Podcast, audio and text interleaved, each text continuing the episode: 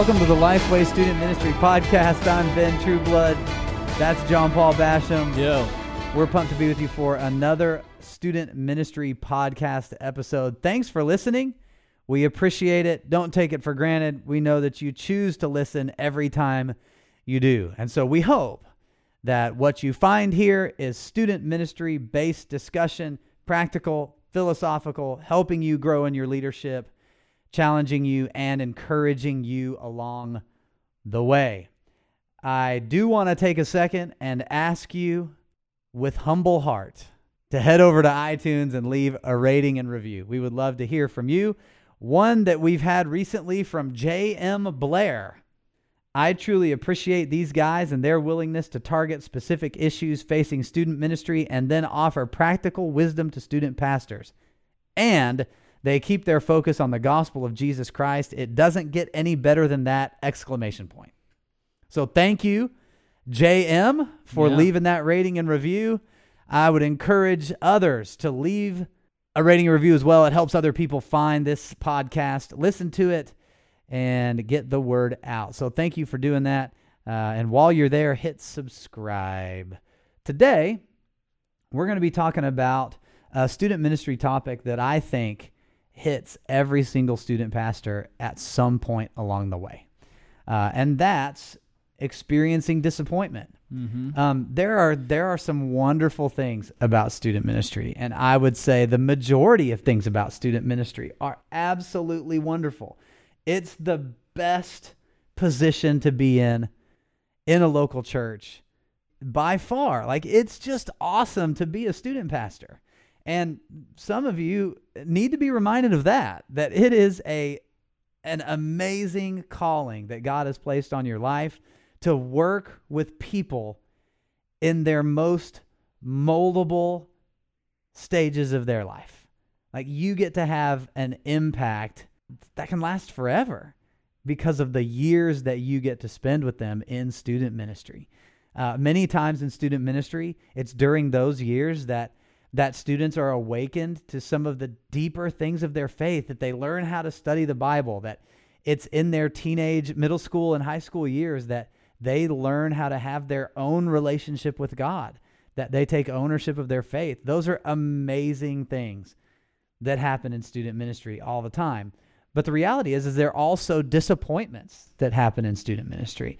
And so we want to spend this episode talking about a couple of those disappointments and uh, hopefully offering some things that you can do to walk through those disappointing times in a healthy manner and some some points of view uh, to see those disappointments maybe in a little bit different light because like i said there are disappointments in ministry there are disappointments in student ministry and we can't allow those disappointments to throw us off track and keep us from remembering and from celebrating all the amazing things that we get to see in student ministry. So I, I, would say, just right off the top, one of the disappointments in ministry can be when a student that you've poured into, a student that has been in your ministry, you've been involved in discipleship with them, you've helped them grow, like you've walked through life with them. They graduate from high school, they leave your ministry, they go off to college, and they fall into just a bunch of junk. Yeah. That, that one it's hurts. deeply, deeply disappointing because it puts you in this place where you think, man, nothing, nothing we did mattered. The thing is that it's super easy to take that personally because you've spent so much time pouring in and you feel like you you feel like it is a an affront to you or, or at least I have felt like it it has been one to me. Like what do you mean? I, I spent all of these mornings with you. We spent all this time going through the scripture. I you know, poured myself out to you, giving you leadership opportunities, helping you with every single problem that you had in your life. We walked hand in hand all the way through your middle school, high school years. Yeah. And then you just want to throw all of that away like it like nothing mattered. And that is not the case. It's not the case. That student is not I, I can't say 100% of the time but those students that you walked deeply with, didn't go to college and say, you know what, I hated my student pastor and I'm going to do all these things in spite of them. That's right. It's not personal. No. It still hurts, but it's not personal. And I I, th- I think one question that comes up in this is what do you do in that situation when you're the student pastor? Because this is if this is going to happen to you if you're a student pastor. Right? Like you're Yeah. going to have a student who goes to college and just freaks out Yeah. and jumps into everything that there is to offer from a sin standpoint in college. Like it, maybe not everything, but there are going to be people who walk away from the church who aren't involved in more and who get involved in some in some stuff. So, as a student pastor, that's disappointing. Uh, Step one is to not take it personally. It doesn't mean that it was a complete waste of time. It doesn't mean that they didn't take anything away from you and what you taught. Those seeds are still there. Yeah. But what's the next step? What is it? What does a student pastor do? Do they do they call and be like, "What are you doing, you idiot?" Yeah. Like, what is that? there's been times for sure that I've wanted to go snatch them out of their dorm room and and have a conversation. Just say where where did all of this go wrong? What happened? Yeah, But I I don't think I have not thought so far that that would be the healthiest thing for that student because in that season of their life they're probably not willing to listen to what you have to say. They're in an obvious season of rebellion. And to just show up on campus and try to force that into them is probably not going to be a fruitful endeavor. I agree with you. I've never confronted a student post high school about stuff that they were getting into without them inviting me into some type of conversation around those things. Yeah. Uh, now, I'm not saying that is the absolute right way to do this. I'm just telling you that's what I've done. That's how I've operated in this. Because there has to be a point where God is real to them for themselves, where their relationship with the Lord impacts them outside of you and outside of their parents. And for ones who struggle in their college years, I think it's an evidence of that not taking root deeply enough, perhaps. That doesn't mean they're not saved. It doesn't, you know, it doesn't mean those things. It doesn't mean what you did with them was didn't matter. But maybe they were they were more able to follow those things with someone constantly in their ear and they had not yet learned how to make decisions in pressure moments on their own through the filter of scripture and their relationship with the Lord. And that's just something people have to learn. Yeah. Now, I've not cut students off. I've reached out. I've said, hey, how's it going? I've sent text messages when they come back at spring break or when they come back at Christmas break. Hey, let's go grab some lunch. What do you do? Like hang out, like those kinds of things. Don't cut them off. You know, they need to, because here's the deal they realize that you know they're out here doing whatever, right? Like they Yeah. know you know that. And so love them. Love them through it. And if they open the door for you to have a more direct conversation, take advantage of that. I would not recommend, you know, showing up in the frat house one Saturday night and being like, get over here, kid. Yeah. Me too. So, another area of disappointment that we need to make sure and hit in a conversation like this is when there's fallout with a leader. When uh, there's a volunteer leader that you have um, that goes rogue, or when there's relationship struggle between you and a leader because you start seeing student ministry in a different way. When something, when there's just relational stuff that happens with a leader. Maybe you find out they've been talking bad about you or they're supportive to you, but to other parents and leaders, they they are less than supportive or even perhaps antagonistic Yeah. towards what you're trying to do. Um, that's a disappointment in a different way than with the student. Because that's that's like those are the people who are in the trenches with you. Right. it it feels a little bit like you're you're in that trench and you've been fighting and fighting and fighting to lead students to the Lord and disciple them and all of the things that go with that. And you look to the person next to you and they shoot you and you thought that they were there to help that it can be that deep of a that deep of a disappointment and uh, this is another one that I think will probably happen to the majority of student ministry leaders that just because doing life and ministry with people can be messy. Yeah. I mean, if ministry's not messy, you're probably not doing ministry in the first place. And so, with that as as kind of the parentheses around this, there's going to be a moment where you and a leader disagree. Yeah, and there will also be. I, th- I think there's another area of disappointment there. Sometimes uh, I have had the experience in really trusting a leader, and then finding out that their personal life is not what you thought it was, and that can be just as or more disappointing. I think that's probably the harder one for me than the leader that just turns around and says, "You know what? I've never liked you or the way that that you do ministry." I think that's probably a personality thing, the way that we deal with those because I think you and I would both say we're fairly low on the mercy meter. So, Yeah. sometimes those conversations from a leader are a little easier for me to just say, okay, well, if you're not going to support, then get off the bus. Yeah. But the leader that I've really felt like, man, we've been running together and I never knew that you struggled with this. And then it just comes out. You know, they're in an affair, you Yeah. know, or whatever. Those to me have been some of the most disappointing ones. And, and in a lot of ways, it feels like a betrayal in the same way that the student going off to college and, and you know, getting off the rails feels like a betrayal. Mm-hmm. Yeah, because it you weren't let in.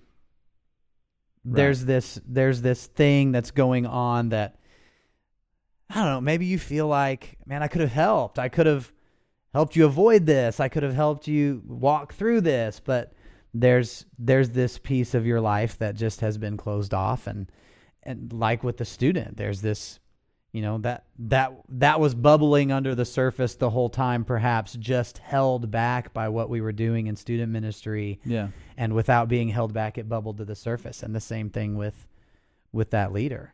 And I- man i think that goes to one of the things that we've talked about uh, at length on the podcast. So not to spend a lot of time on it here but making sure that with volunteer leaders that they're still finding community and that Mhm. you're still helping them connect in a real way to other adult believers Yeah. so so that you can minimize these things so how as a student pastor who who walks through something like that man i, I would probably say the same thing that i would say about the student it, it shutting off and and turning and walking away is not what that person needs in that moment they need more press in. You know press in is like the cliche term i think in church circles. Yeah. it's one of those but i think that's i think that's the right approach. You know they may have to step away from a certain kind of service or ministry for a little while depending on what's going on but they need they need you in that moment as their leader and as as somebody who's walked with them they need the press in not the walk away And they're probably not expecting you to press in. yeah What they're expecting you to do is to shun them. that's right And when you do press in and show that you are there and that you still care, no matter if it's the leader that has and and so I've not done a great job of this, but no matter if it's the leader that just turned around and said I hate your guts or it's the leader that is dealing with personal issues, when you're the one that says, "You know what? No no matter what, I I care for you Mhm. and I'm still here and I'm praying for you, right? Depending on uh, there's a level of uh, appropriateness, is that a word? If that's a if that's a, a female leader or a male leader and if Right. you are a male or a female, that's right. but being there is going to be unexpected. So, you need to you're called to be there and you are still a pastor to them. And so not only as and man, I kind of hate that I said that a little bit because everybody's not just a ministry project. Yeah. These are life personal relationships and they should be treated that way Yeah. not just as someone that you pastor. Um, but in both arenas, as their pastor and as their friend, as their brother or sister in Christ, you should be there. Man, I love that that you made that distinction. Um that it's about the relationship with someone and not just I'm caring about this person to pastor them through this. Yeah. And I think there's a different level of care in that statement. There's a different level of care between I'm going to stick here and I'm going to sit with this person in the junk to pastor them because that's my calling Mm-hmm. and because I just want to be like I love them so much, I want to be in it. Yeah. That's so different. And I think as ministry leaders, our tendency for right reasons is to think in terms of pastoring people. When maybe looking at it that way is more healthy and will lead us through the disappointment that we might feel. Yeah. because we're connecting that person and we'll see what God is doing in them because of it. And maybe God allows us to be a small part of recovery or even if not staying there with them in it and seeing it as a relationship that's important and valuable versus a calling as a pastor I think can help us get through that disappointment Yeah. help us push through Yep. so the next one is uh, disappointment related to your position itself, right? So uh, disappointment with you went to a new church and you realized it wasn't what you thought it was going to be from the outside, or disappointment uh, with a budget request. Like you had this great idea and you went to your supervisor and they were like, "We just can't do that." Yeah. or disappointment with man i thought my pastor was going to mentor me and disciple me personally or guide you in some type of close relational way and it's just not happening that way so Yeah. disappointment related to the actual position of student pastor i think this one I think I think people can struggle through the first two maybe and it might stick with them and it might cause them to view some things differently and it might hang around unhealthily for a little while.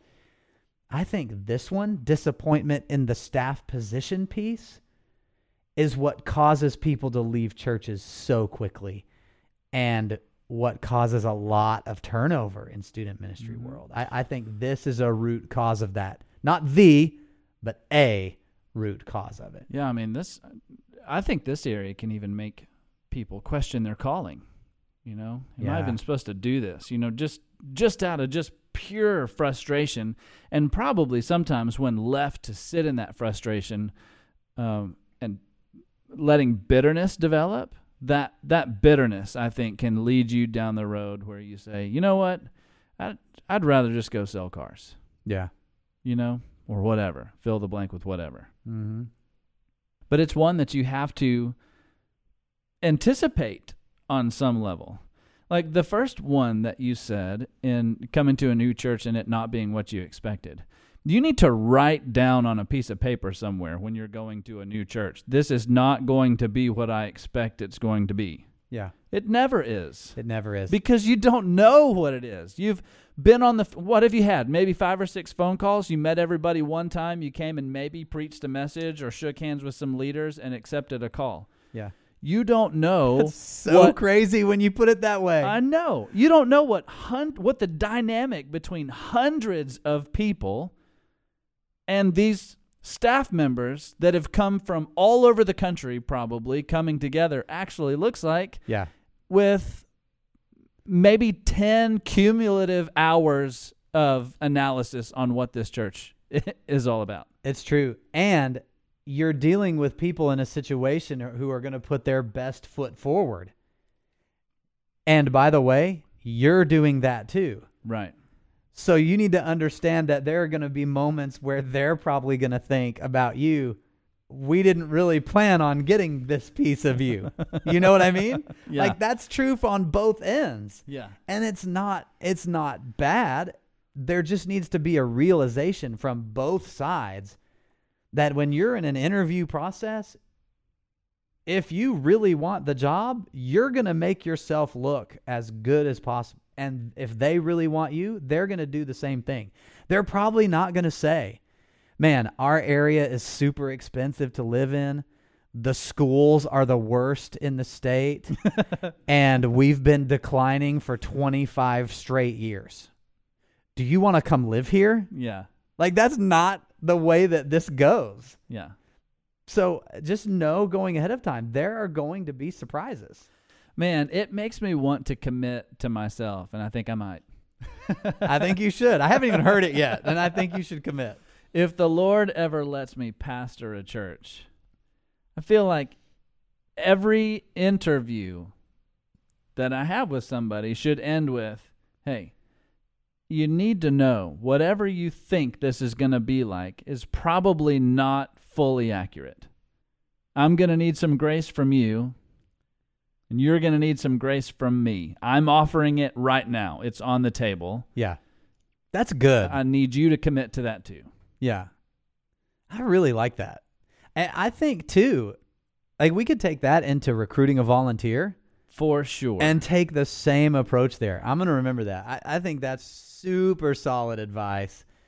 And I I think too, as an interviewer, maybe saying, hey, he- here's a couple things that are not awesome about this place. yeah. and just being upfront about it. Be like, hey, every Tuesday, it something happens, and it's it's horrible, right? Our tech guy goes up to the bathroom up by the track and just blows that place up. And, And your office is next door, and so Tuesdays are going to be awful, right? But like where home for me is Springdale, Arkansas, and, and because of the chicken plants and chicken feed plants and all that kind of stuff, every time it rains, it smells terrible in the town because it you just smell the chicken feed and all the processing plants and stuff. And so like that, hey man, just so you know, like it's gonna smell bad here every time it rains. just little stuff like that, I think opens the door for more conversation to be able to put someone at ease and Yeah. like, oh well, since you're being honest, I'll be honest and Yeah. I'll, I'll say. Here's three things that you're gonna hate about me, and uh, not Every time it we don't need to go that far. I smell bad too. Yeah, that's that's right. Well, that works out well. Sign me up. I think it's the onions. Eat them like apples. But yeah, I th- man, I think you're I think you're right on, and just admitting the grace that's going to be needed up front, and we're still getting to know each other, and putting that putting like if you're in the interviewer, putting that person at ease, and then if you're interviewing and that's not said, maybe taking the initiative to admit that on your own Yeah. and say that is an important step and a good way for you to begin leading up Yeah. even in the in the interview phase. Yeah. So much of that staff disappointment piece is uh, poorly managed expectations. Yeah. There may genuinely be some things that man i was promised this we've had several conversations and and you feel like you were just lied to you feel like you were wronged and that that may be the case i'm sure that's been the case for some of us but i think more often than not those disappointments are poorly managed expectations Yeah. and and that is an easy thing. Well, maybe not a super easy thing. It's at least an easy thing to keep in mind that I need to keep my expectations in check. What is what is r- the reality of of this? Yeah. Where's my heart? in, in the middle of this disappointment.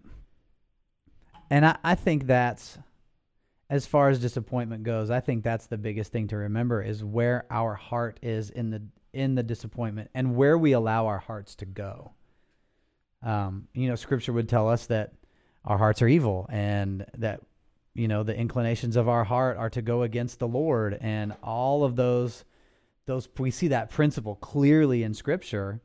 And so if you're in a mo in a season where you're not walking with the Lord and it matches up with disappointment, that could be a really dangerous place to be because your heart can go somewhere where it's not meant to dwell. Yeah. And so the other side of that would also be true is that if scripture and community is is a part of your life, then when you do experience disappointment, you can be insulated from that disappointment becoming bitterness and that bitterness driving you away from other relationships and driving away driving you away from perhaps your calling, driving you away even even from your relationship with the Lord. And that disappointment if left to just grow wildly can lead us to bitterness. Um, and so that would be the caution that I that I would give at the at the very end of this podcast is make sure that the Lord through his word is guarding your heart in moments of disappointment and and shining that spotlight in the corners of your heart to make sure that you're dealing with disappointment in a healthy way that you're talking about it with someone and you're not letting it just sit and fester and grow wildly into something that that could be much bigger. Yeah. It's good stuff. This has been the Lifeway Student Ministry Podcast. Thanks for listening. We will see you next time.